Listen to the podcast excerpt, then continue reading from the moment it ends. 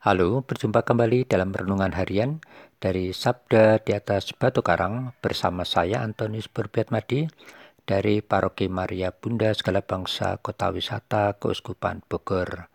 Saudara-saudari yang terkasih, hari ini Rabu 29 Desember adalah hari kelima oktav Natal.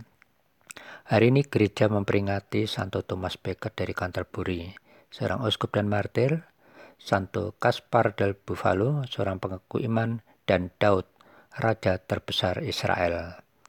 Tema renungan kita hari ini, taat pada perintah Allah. Yang terinspirasi dari bacaan kitab suci hari ini, bacaan pertama diambil dari surat pertama Rasul Yohanes, pasal 2 ayat 3 sampai 11, dan Injil suci dari Injil Lukas pasal 2 ayat 22 sampai 35. Mari kita dengarkan sabda Tuhan. Ketika genap waktu pentahiran menurut hukum Taurat, Maria dan Yusuf membawa anak-anak Yesus ke Yerusalem untuk menyerahkan dia kepada Tuhan seperti ada tertulis dalam hukum Tuhan. Semua anak laki-laki sulung harus dikuduskan bagi Allah. Juga mereka datang untuk mempersembahkan kurban menurut apa yang difirmankan dalam hukum Tuhan, yaitu sepasang burung tekukur atau dua ekor anak burung merpati. Adalah di Yerusalem seorang bernama Simeon. Ia seorang yang benar dan salah hidupnya, yang menantikan penghiburan bagi Israel. Roh Kudus ada di atasnya dan kepadanya telah dinyatakan oleh Roh Kudus bahwa ia tidak akan mati sebelum melihat Mesias, yaitu Dia yang diurapi Tuhan. Atas dorongan Roh Kudus, Simon datang ke Bait Allah. Ketika kanak-kanak Yesus dibawa masuk oleh orang tuanya untuk melakukan apa yang ditentukan hukum Taurat, Simon menyambut anak itu dan menatangnya sambil memuji Allah, katanya, "Sekarang Tuhan, biarkanlah hambamu ini pergi dalam damai sejahtera sesuai dengan firmanmu.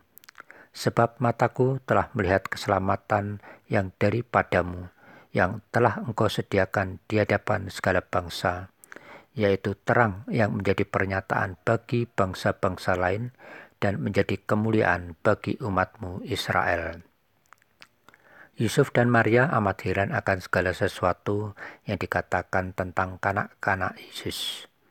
Lalu Simeon memberkati mereka dan berkata kepada mereka ibu anak itu, Sesungguhnya anak ini ditentukan untuk menjatuhkan atau membangkitkan banyak orang di Israel dan untuk menjadi suatu tanda yang menimbulkan perbantahan. Dan suatu pedang akan menembus jiwamu sendiri supaya menjadi nyata pikiran hati banyak orang. Demikianlah Injil Tuhan. Terpujilah Kristus. Saudara-saudari yang terkasih, jika kita punya sikap kebiasaan taat akan peraturan, perintah atau hukum, tentu akan hidup nyaman. Dalam beriman pun, kita harus taat akan hukum atau perintah dari Tuhan. Saudara-saudari yang terkasih, dalam bacaan Injil pada hari ini dikisahkan tentang Yusuf dan Maria yang menyerahkan Yesus kepada Allah.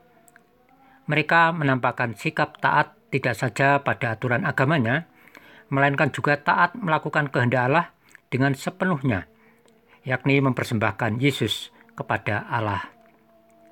Saudara-saudari yang terkasih, jika Yusuf dan Maria taat kepada kehendak Allah, maka demikianlah seharusnya para orang tua untuk menyerahkan anak-anak mereka dengan tulus hati kepada Allah.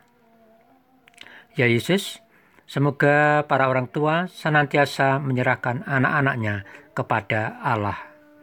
Amin.